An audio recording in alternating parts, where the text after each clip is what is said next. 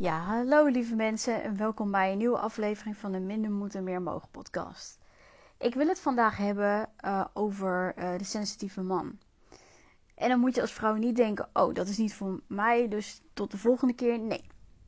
In dit geval gaat het net zo goed over jou, want je hebt er in het dagelijks leven mee te maken, zowel op de werkvloer, maar misschien heb je ook wel een sensitieve of introverte uh, man thuis zitten.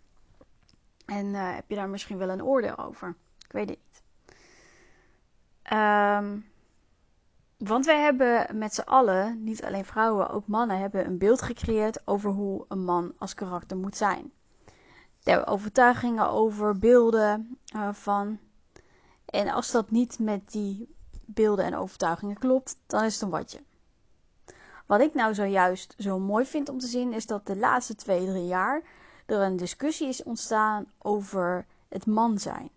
En dat dat niet per se, uh, nou laat ik zeggen, het, Veronica Inside publiek hoeft te zijn. Of de mannen, Wilfred Gené, um, Johan Derksen en, uh, en uh, hoe heet dat? Die andere gozer. Um, die daar zitten, die, die denken dat zij het, het, het, het, typische man um, vertegenwoordigen die zelfs mannen die nou, hun gevoelens laten zien, gewoon compleet uitlachen.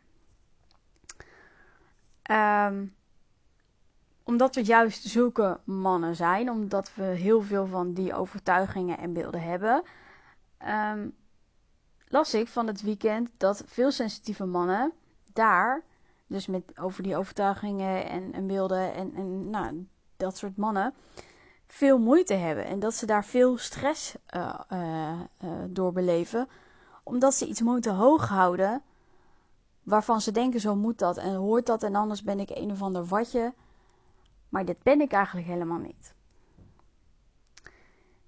Ik heb me ook vaak afgevraagd hoeveel mannen zullen doen alsof ze wel een stoere man zijn. Die jonge, man, die, die, die jonge meiden versieren. Nou, weet je, dat hele complete gedrag erbij maar eigenlijk uh, dat niet zijn. Um, dat ze dus een andere houding opzetten. En ik denk dat er veel zijn. Ik, ik prik in ieder geval vaak regelmatig er wel doorheen. Dat ik denk van hou eens op met, met die houding die jullie opzetten. Want dat klopt helemaal niet bij wat je, wie, wie, die, ja, die je eigenlijk bent. Wie je eigenlijk bent.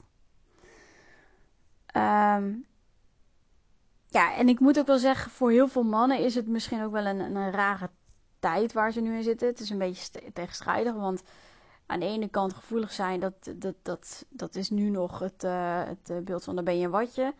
Maar als je macho bent, dan hebben we weer daar ook een oordeel over.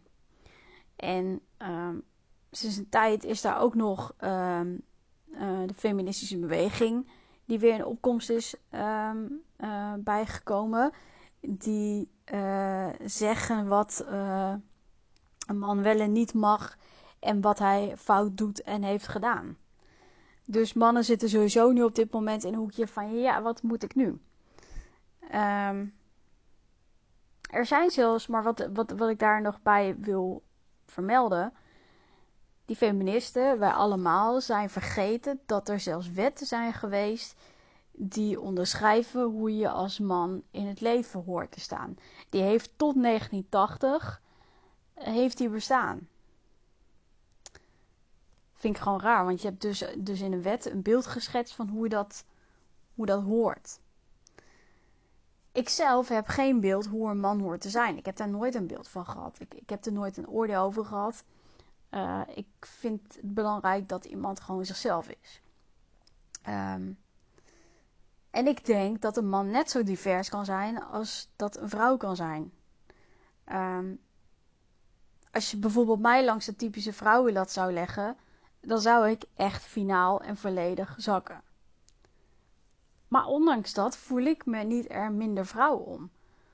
Omdat ik van mening ben dat vrouw zijn niet zit in een rokje of de hakken die je draagt, de make-up die je op hebt dat heb ik allemaal niet. En toch voel ik me vrouw.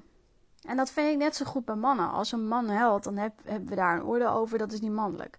Als een man gevoel uitspreekt, dan is dat niet mannelijk. Als hij zich niet stoer gedraagt, dan is dat niet mannelijk. Als hij niet een enorme carrière-tijger is of een, iets met uiterlijke vertoon, dan is die niet mannelijk. En veel vrouwen zeggen zelfs tegen een partner: gedraag je zoals een vent. Maar heel veel vrouwen zien niet wie hij werkelijk is of doet. En doen er gekscherend over tegen een vriendin. Van ja, die vent van me.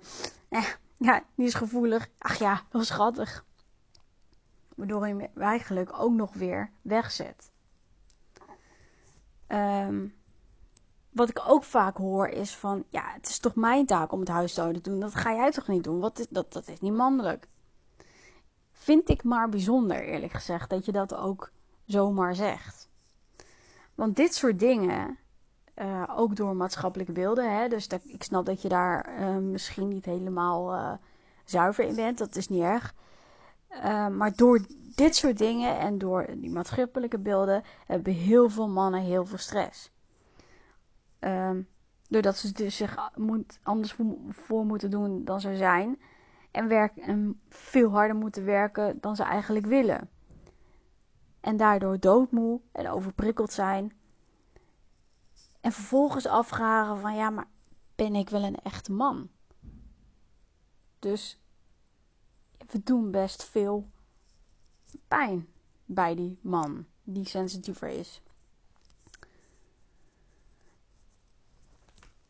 Um,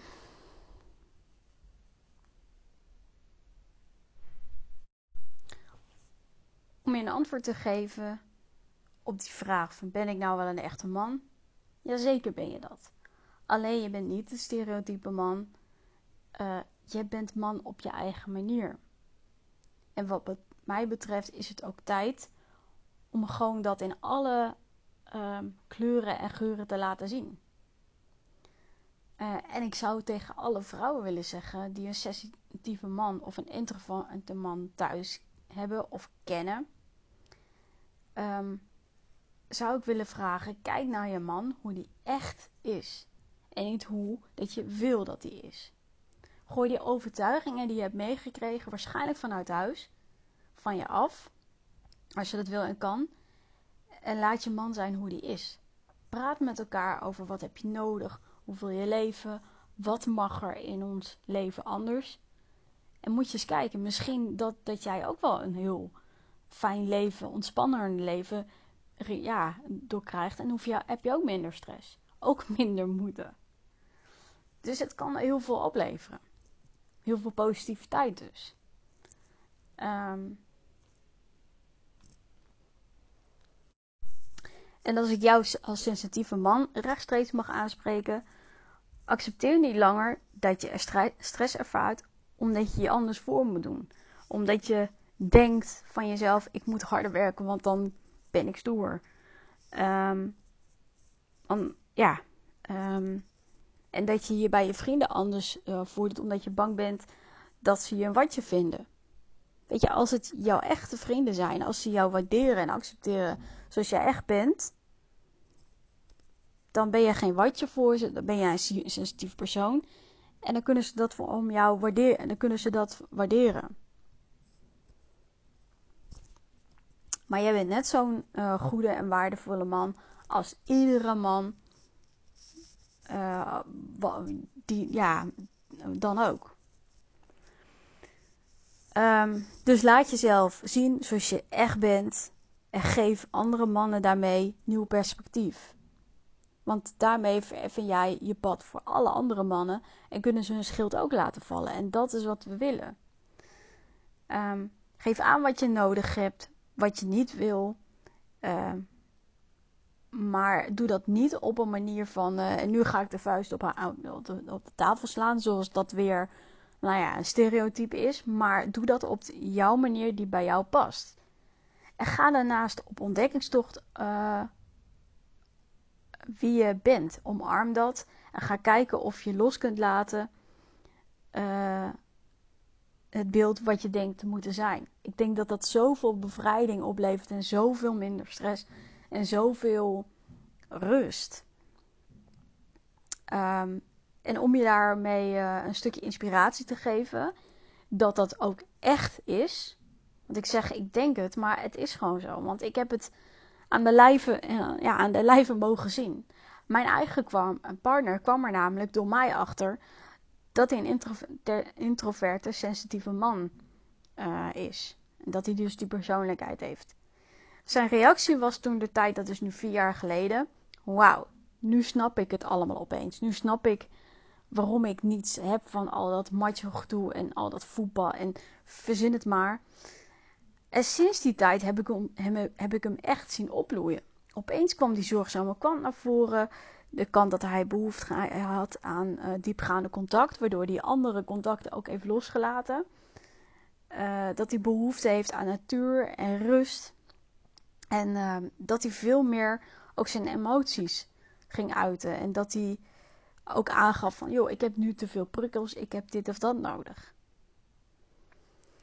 Um, en wat ik ook wel heel tof vind om te zien, als ik weer eens uh, iets zie van, een, van, ja, van een bepaald gedrag van mannen, wat ik van denk, ja, waarom doen ze dat nou? En ik vraag aan hem van, leg me dat nou eens uit. Nou, dan krijg ik eigenlijk een antwoord van, ja, ik weet het ook niet, want zo ben ik niet. Ik kan, ik kan me er niet in leven. Ik snap het net zo goed niet. En niet omdat hij, omdat uh, verwijfd is of zo. Nee, omdat hij die, dat karakter niet in zich heeft. En niet die, ja, behoeftes dus. Um, ja, lief sensitieve man. Ik nodig je uit om op te staan en nooit meer te laten vertellen hoe jij als man behoort te zijn. En te laten vertellen dat jij een aansteller bent. Want dat ben je niet. Je bent geen aansteller. Um, laat mijn partner jouw voorbeeld zijn dat het ook echt veel um, fijner en leuker kan. En natuurlijk is dat even een zoektocht. Maar ik denk dat die zoektocht nog dat dat een hele fijne zoektocht is. Gaat worden naar jezelf en een fijner leven. Heb een fijne dag. En uh, ik hoop dat je er iets aan hebt gehad. En uh, tot de volgende keer.